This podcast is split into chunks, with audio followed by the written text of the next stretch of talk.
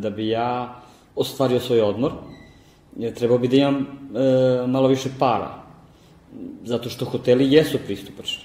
Da sam ja mogao da biram hotel, a ne privatni smeštaj, ja do tog problema ne bi došao.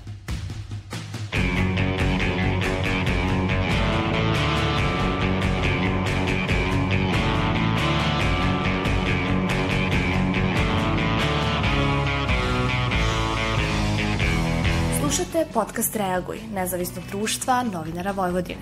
Moje ime je Iva Gajić, a sa mnom su Aleksandra Bučko i Sanja Đorđević. Na podcastu rade i Irena Čučković i Nemanja Stevanović. Kao što smo u jednoj od prethodnih epizoda govorili, turistička sezona zbog zatvorenih granica je propala, ali još uvek je moguće putovati po Srbiji. Skoro 400.000 građanki i građana Srbije uzelo je vouchere za besplatno letovanje koje je obezbedilo Ministarstvo trgovine, turizma i telekomunikacija. Međutim, jedan deo njih nije uspeo to da iskoristi. U pitanju su osobe sa invaliditetom. Kolega Nemanja Stevanović razgovarao je sa Ivanom Novkovićem, korisnikom invalidskih kolica i aktivistom sa invaliditetom o ovom problemu. Ivan Novković, aktivista osoba sa invaliditetom iz Niša, pokušao je u februaru da nađe pristupačan smeštaj invalidskim kolicima u nekom od privatnih smeštaja u zapadnoj Srbiji koji primaju vouchere. Međutim, dok je pretraživo, naišao je na poražavajuću činjenicu da gotovo svi smeštaji nemaju pristup invalidskim kolicima, kao ni minimalne uslove boravka osoba sa invaliditetom u objektu. E, ja sam morao u moje slobodno vreme e, da e, zovem broj po broj svih tih privatnih smeštaja, da pitam o svakom detalju pristupačnosti. E, ulaz u sam objekat, u kuću ili vilu, e, ulazak u toalet i samo funkcionisanje kroz sobu, kako bih e, zadovoljio osnovne E, neke principe samostalnosti, da ne bi morao neko da me penje, spušta i tome slično. Ja sam se razočarao u tom trenutku zato što najpre moram da kažem znači da bi ja ostvario svoj odmor trebao bi da imam malo više para zato što hoteli jesu pristupačni da sam ja mogao da biram hotel a ne privatni smeštaj, ja do tog problema ne bi došao. E, a pošto sam morao da se oslonim na privatni smeštaj, ja sam, na primjer, zaključio da sad ne bude ovo neka vrsta prozivanja, ali da na Zlatiboru, Zlataru i tu negde na, na teritoriji zapadne Srbije, na području zapadne Srbije, gotovo da i nema pristupačnog privatnog smeštaja. Iako zakonski okvir iz 2006. i 2011. godine nalaže da sve institucije moraju biti pristupačne korisnicima invalidskih kolica, vlasnici privatnih smeštaja i sva privatna pravna lica nisu u obavezi da budu pristupačni. Ipak veliki broj hotela, restorana i kafića jesu. Noković ipak ne krivi nikog od njih. A nije ovaj, e, tu kriv sam vlasnik tog sadržaja zato što nikomu nije propisao to kao obavezu.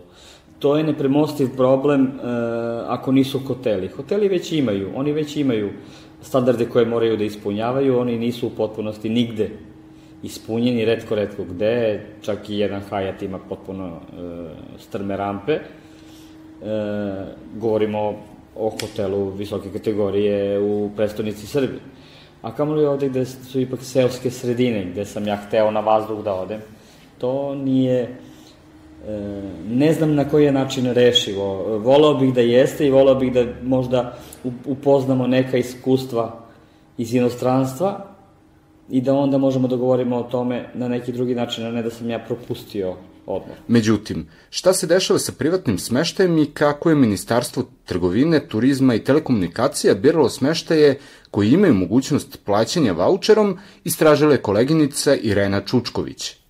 Smešteni objekti nisu obavezni da obezbede prilaz osobama sa invaliditetom i zbog toga se neretko dešava da čak ni na glavnom ulazu u smeštaj ne postoji adekvatna rampa. Međutim, spremnost smeštaja da bude dostupan i osobama sa invaliditetom jedna je od stavki za koje on može dobiti izborne bodove prilikom kategorizacije smeštaja i samim tim sebi obezbediti kategorisanost više klase. Kako su nam rekli u sektoru turističke inspekcije Ministarstva trgovine, turizma i telekomunikacija, oni smešteni objekti koji se sami izjasne da žele da obezbede pristup i korisnicima invalidskih kolica u obavezi su da obezbede sve adekvatne uslove, poput rampi, posebnih soba, nameštaja i toaleta. Ove neophodne stavke propisuje član 30 pravilnika o minimalnim tehničkim uslovima za opremanje ugostiteljskih objekata. Objekti koji ispunjavaju ove uslove mogu se pronaći u brošuri Turističke organizacije Srbije Accommodation Unterkunft, gde su označeni odgovarajućim simbolom dostupnosti osobama sa invaliditetom. Naš sagovornik Ivan Novaković kaže da je zakonski okvir dobar, ali ono što nedostaje jeste primjena. Liči će malo na anegdotu, ali definitivno nam je potreban zakon o primjeni zakona. E, samim tim e, što se ne primenjuje ništa od propisanog. Mi imamo takav zakon o pristupačnosti, odnosno zakon o izgradnji i uz njega pravilnik o pristupačnosti, koji definišu sve standarde izgradnje, e, okvir, oko objekta, u okviru objekta, pa se to ne poštuje ni e, po pitanju stambenih objekata, a da ne idemo e, već malo dalje, mislim da idemo, ali kako? nije kriv izvođač, to nije kriv e, ni onaj ko projektuje. E, država kontroliše. E, država je dopustila. E, taj loka, lokal, a pre toga projekat, nije smeo biti primljen. E, a da je nepristupačan u redu je ono ranije, ali od 2006. E, do sada e, je izgrađen bezbroj objekata koji ne ispunjavaju e, nikakav standard. Kada su u pitanju organizovani aranžmani za osobe sa invaliditetom preko turističkih agencija, Ljubomir Radivojević iz turističke agencije Atlantic Travel za podcast reaguje i objašnjava zašto oni redko organizuju ovakva putovanja. Najveća prepreka tome su, kako kaže, neopremljeni smeštaji. Njima mnogo toga mora da bude prilagođeno. I prevoz, i sam smešta i boravak tamo, znači pa ako su recimo lica u, u invalidskim kolicima, onda treba da postoje uslovi e, za korišćenje kupatila, e, da bude toalet, e, tuskada prilagođena njima, malo objekta ovakvi kao što mi radimo, apartmanskih ima za takva lica mogućnost. To je recimo jedna soba, na primjer, u celom objektu. Dođe deset osoba sa kolicima, recimo. Imali smo mi par puta, ovaj, imali smo par puta ne, iz neke, recimo, udruženje paraplegičara iz Kragovca, na primjer. I organizovali smo mi to par puta s, s, za njih, ali je to, to je takva muka da, da je to nezahvalno raditi. A ti objekti zaista nisu prilagođeni e, za boravak takvih lica imamo više štete nego koristi, ne, a nije sad tu finansijski deo šteta korist, nego ulazimo u neke probleme. Ljudima ne možda ponudimo i da im pružimo ono što oni očekuju, što je njima potrebno. Onda jednostavno izbegavamo da radimo takve grupe jer nemamo objekte koji su njima prilagođeni. Pitali smo i turističku organizaciju Srbije na koji način su obeleženi pristupačni smešti za osobe sa invaliditetom, ali oni nisu želeli da nam daju izjavu, već su poslali saopštenje mailom. Resorno ministarstvo u zavisnosti od kategorije prilikom kategorizacije objekata propisuje mogućnost da taj objekat bude dostupan osobama sa invaliditetom i da ima odgovarajući broj prostorija za takve osobe. Takvi objekti su u našoj brošuri Accommodation Unterkunft, označeni odgovarajućim simbolom dostupnosti navedenim osobama.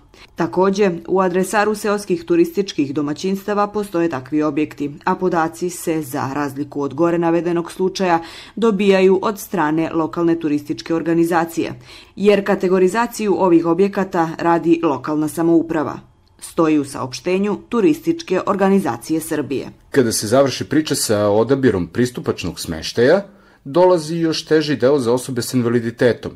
Kako doći do prevoza? Ivan Novković nam je to rekao iz svog iskustva. Prava je hrabrost e, ljudi sa invaliditetom, odnosno ljudi koji su korisnici kolica da, su, da krenu autobusom. E, ja, čest, ja sam ranije često to koristio zato što sam lakši. Imam nekih 50 kg i mogu da me podignu vozači, pogotovo oni krupniji, e, ili kad su dvojica, ali krupniji ljudi ne znam svaka čast kako se kreću. Uglavnom smo e, upućeni na sobstveni prevoz, e, taksi, renta car, dakle da bude automobil, ili da bude neko vozilo koje opet se plaća, e,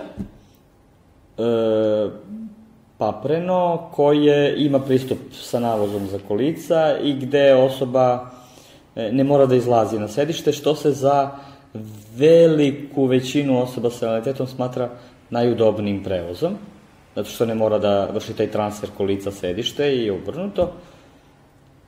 Ali, na primjer, nije to, nije to za sve ljude tako komotno, ali, kažem, većinu jeste, ali da, uglavnom je tako. Znači, ni, nismo e, u mogućnosti da koristimo jeftinije usluge. Nepristupačnost e, u globalu po, po, poskupljuje našu, naše funkcionisanje. Mi sada imamo od ove godine u gradu 100% niskopodnih autobusa na, grad, na, na gradskim linijama i nije loše. Poboljšana je pristupačnost gradskog prevoza za međugradski to je daleka priča. E, ugradne rampe postoje, platforme postoje, to što se u svetu radi. Koleginica Sanja Đorđević je razgovarala sa autoprevoznicima o ovom pitanju. Kako je Novaković naveo, ukoliko osoba sa kolicima nema sobstveni prevoz kojim bi stigla do odmarališta, jedino što joj preostaje jeste i javni prevoz. Kompanija Srbija Voz nedavno je nabavila nove vozove prilagođene osobama sa invaliditetom, ali su peroni ostali isti, te je broj mesta do koje osoba može da kupi kartu ograničena. S druge strane, autobusom se može putovati, ali uz posebno planiranje i prijavljivanje, navodi direktor kompanije Flixbus za Balkan Ante Grbeša. Imamo e, dvije opcije. Jedna opcija je kompliciranija, ona e, podrazumijeva autobuse koji imaju posebne rampe za, za invalide. E, kad govorimo o e, linijama iz Srbije, takvih autobusa u ovom trenutku u Srbiji je pet. Dakle, Srbija u tom kontekstu zapravo, s obzirom da smo nažalost tek uspjeli prvu zelenu liniju pokrenuti tek prošle godine, rekao bi da je to izuzetno visok postotak koji e, čak i u ovom trenutku recimo Njemačka nema. Da bi osoba s invaliditetom koristila to, potrebno je da e, prije svega da se prijavi e, preko naše web stranice na centralni servis, odnosno na, na podršku korisnicima. Otprilike rekao bi ne više od 14 dana prije polaska, ali isto tako ne manje od 7 dana prije polaska kako bi pod broj 1 provjerila da li na liniji e, kojoj, na kojoj namjerava putovati postoji e, ta opcija. Ukoliko postoji, a velim u Srbiji je pet autobusa sa tim e, rampama opremljeno. Potrebno je takođe da veličina kolica bude određenih dimenzija. Druga opcija je za kolica koja su rasklopiva. U tom slučaju osoba može da putuje i autobusom bez rampe, dok će kolica biti u prtljažniku. Prilikom prijave treba naglasiti da li osoba ima pratioca kako bi se za njega obezbedila besplatna karta. Ovakvih prijava na godišnjem nivou bude oko 1%, za koji je, navodi Grbeša, pet autobusa sasvim dovoljno. Naime, za, za Srbiju, e, s obzirom na, na našu flotu koja je biti još uvijek relativno mala zbog toga što direktno obslužujemo um, zapravo dvije relacije sa, sa baš pod uh, Flixbus uh, autobusima, dakle to su Beograd, Zagreb, Ljubljana, odnosno Beograd, Budimpešta. Uh, to, to tek pet je zapravo jako velik broj jer, jer za, za te dvije relacije ne trebate 100 autobusa, da tako kažem. Tako da Srbija velim u tom kontekstu je možda jedna od zapravo u Evropi najopremljenijih zemalja u, u tom pogledu.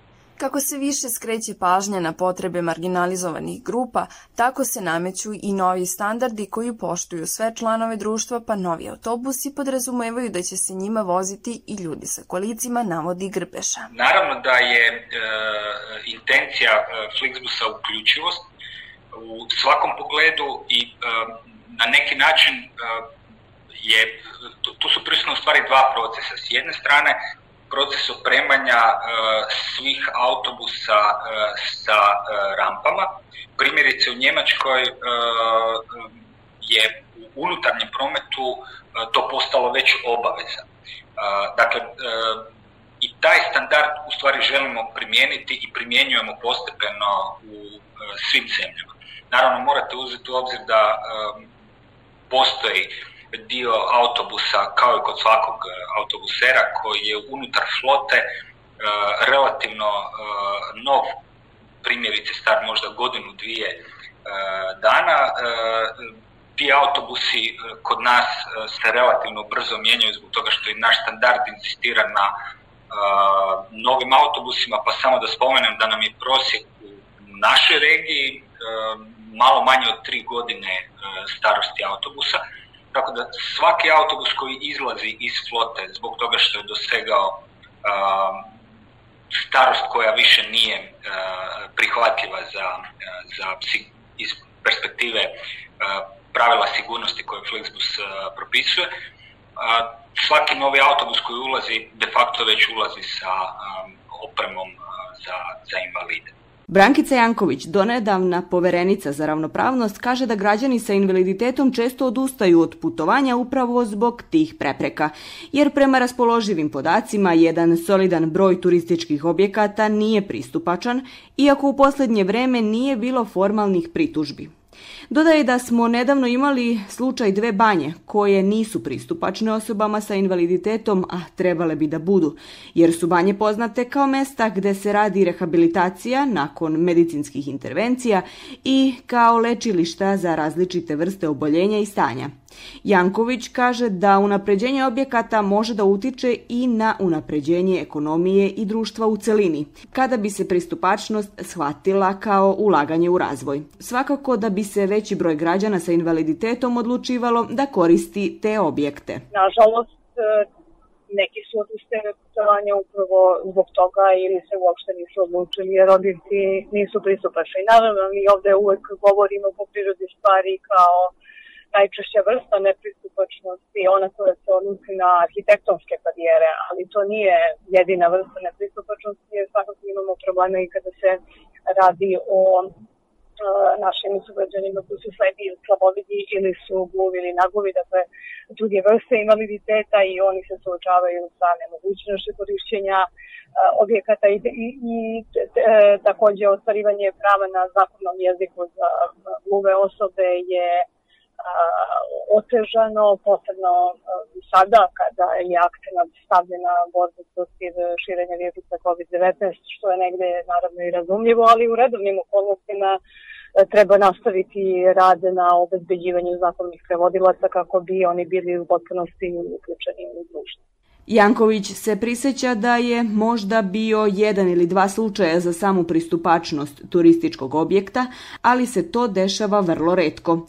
Mnogo češće su to pritužbe za objekte u javnoj upotrebi, a kako podaci pokazuju, to je verovatno zato što se građani sa invaliditetom često odriču letovanja pretpostavljam i u krajnjem slučaju to i govore svi raspoloživi podaci da naši građani sa invaliditetom često spadaju i u grupu stanovnika lošijeg materijalnog statusa i naravno u tim situacijama se čovek najpre odriče letovanja jer to predstavlja neko zadovoljstvo što svakako treba bi izmeniti. A zašto? Zato što je njima otežan pristup zbog i zapošljavanju i e, obrazovanju, jer sada su potrebne decenije da ispravimo E, više decenijsku njihovu isključenost iz sa tokova tržišta rada, jer je pristup invaliditetu svakako u vreme one države u koje smo živeli pre, mislim na socijalističku Jugoslaviju i jedan potpuno drugačiji pristup invaliditetu. Dakle, nije jednostavno e, izaći iz tog e,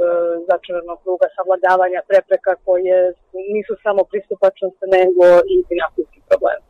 Ona dodaje i da je skoro 100% postupanje državnih subjekata na preporuke poverenika za ravnopravnost.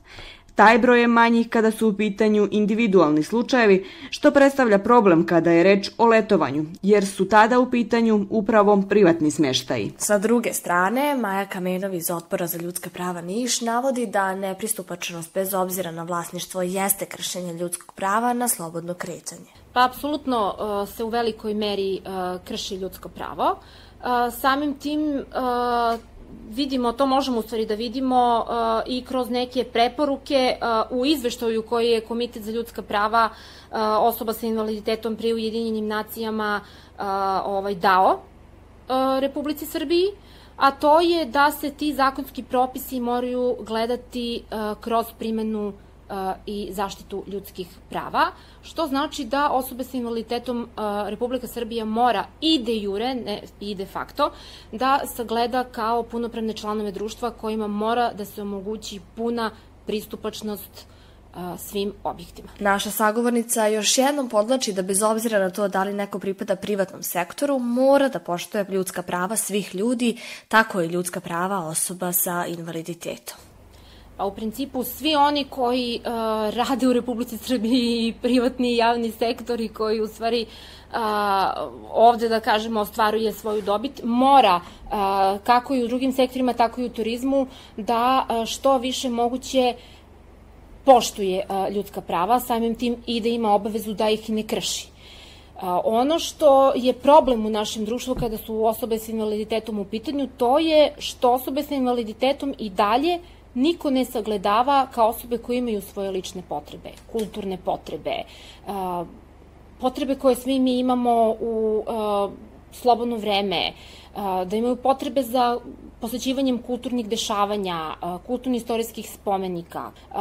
Mnoga kulturno-istorijska dobra i kulturno-istorijski spomenici u gradu Nišu i institucije kulture su upravo i nedostupne i nepristupačne za osobe sa invaliditetom. Tako da mi još uvek imamo taj problem da njih kao punopravne članove društva sagledamo, pa tek onda da krenemo da ih kao konzumente kulturno-istorijskih sadržaja na taj način i tretiramo. Na pitanje kako povećati pristupačnost objekata koji se koriste u turističke svrhe, bez obzira na to da li su u privatnom ili državnom vlasništvu, Maja Kamenov navodi da treba konsultovati najpre osobe sa invaliditetom. Upotrebit ću onu maksimu koju je u stvari, koju su svi preuzeli od pokreta osoba sa invaliditetom na internacionalnom nivou, a to je ništa o nama bez nas. Znači, za rešavanje tog problema, kao i svim ostalim sferama, je neophodno uključiti direktno osobe sa invaliditetom, znači one kojih se to tiče u ovom slučaju najviše, i samim tim videti te njihove potrebe. Zatim zaista proceniti realno svoje potrebe i kapacitete, odnosno koliko grad Niš u tom nekom privatnom sektoru, privatnom smeštaju, turističkoj ponudi, zaista uh, percipira osobe sa invaliditetom kao konzumente sadržaja, kao nekoga ko može sutra da dođe gost. Ne mora domaći, može da bude iz inostranstva osoba sa invaliditetom koja želi da poseti grad Niš, gde će ta osoba da spava, kako će da se kreće, da li je dostupan, pristupačan hotel ili neki privatni hostel, smeštaj, apartmani, kako god. Tako da je neophodno zaista prvo usaglasiti tu zakonsku regulativu, i zatim videti ukoliko mi nismo u stanju da donesemo dobre preporuke, potražiti primjere dobre prakse iz regiona i iz inostranstva. Kako Ivan Novković navodi, mali je procenat osoba sa invaliditetom ili korisnika invalidskih kolica koji bi otišli ili čak razmišljali da odu na odmor kao on.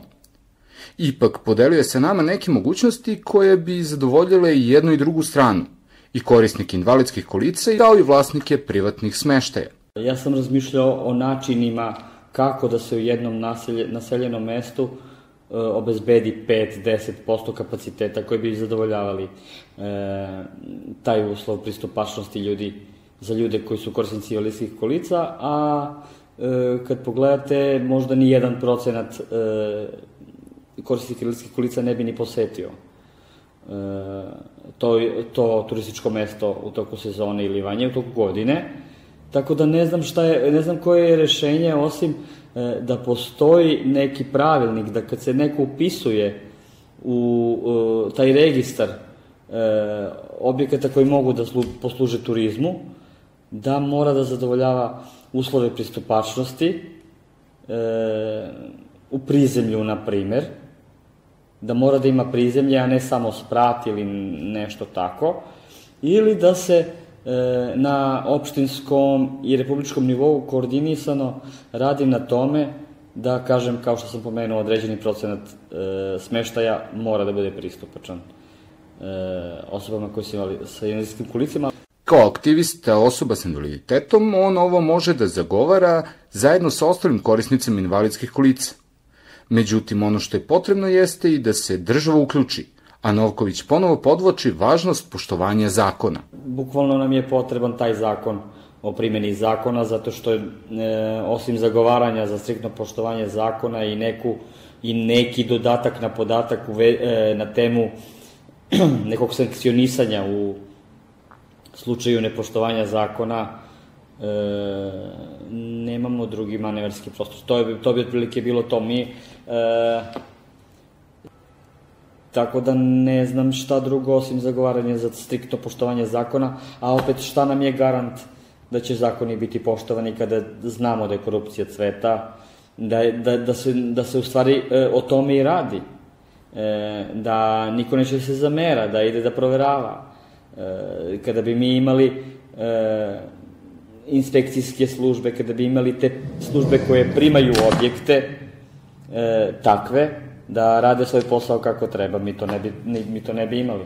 Ja ništa osim nekog zagovaranja i pritiska, ali pritiska onih koji, koje interesuje. To je mnogo važno, e, to, to imate i u drugim oblastima života, ne samo o, o, u vezi onoga što se tiče, oso, u vezi bilo čega što se tiče osoba sa invaliditetom nismo zainteresovani za sve to kod nas. E, ne reagujemo na, onom što, na ono što nam smeta. Kada bi imali ne kritičnu masu, nego bilo kakvo interesovanje javnosti, pritisak javnosti, stvari se menjaju. I u ovakvim krutim e, sistemima Ovim završavamo 22. izdanje podcasta Reaguju u kome smo govorili o problemima sa kojim se osobe sa invaliditetom susreću, kako kada žele da odu na odmor, tako i svakodnevno. Da biste bili obavešteni o našim najnovim epizodama, prijavite se na naše kanale. ITunesu, Stitcheru, Castboxu, Sounderu, Google podcastima, kao i na sajtu podcast.rs. Ocenite naše sadržaje i naravno pišite nam ukoliko imate neki komentar ili sugestiju. Naša mail adresa je podcast.ndnv.org. Ukoliko želite da nas podržite, to možete učiniti na sajtu donations.ndnv.org.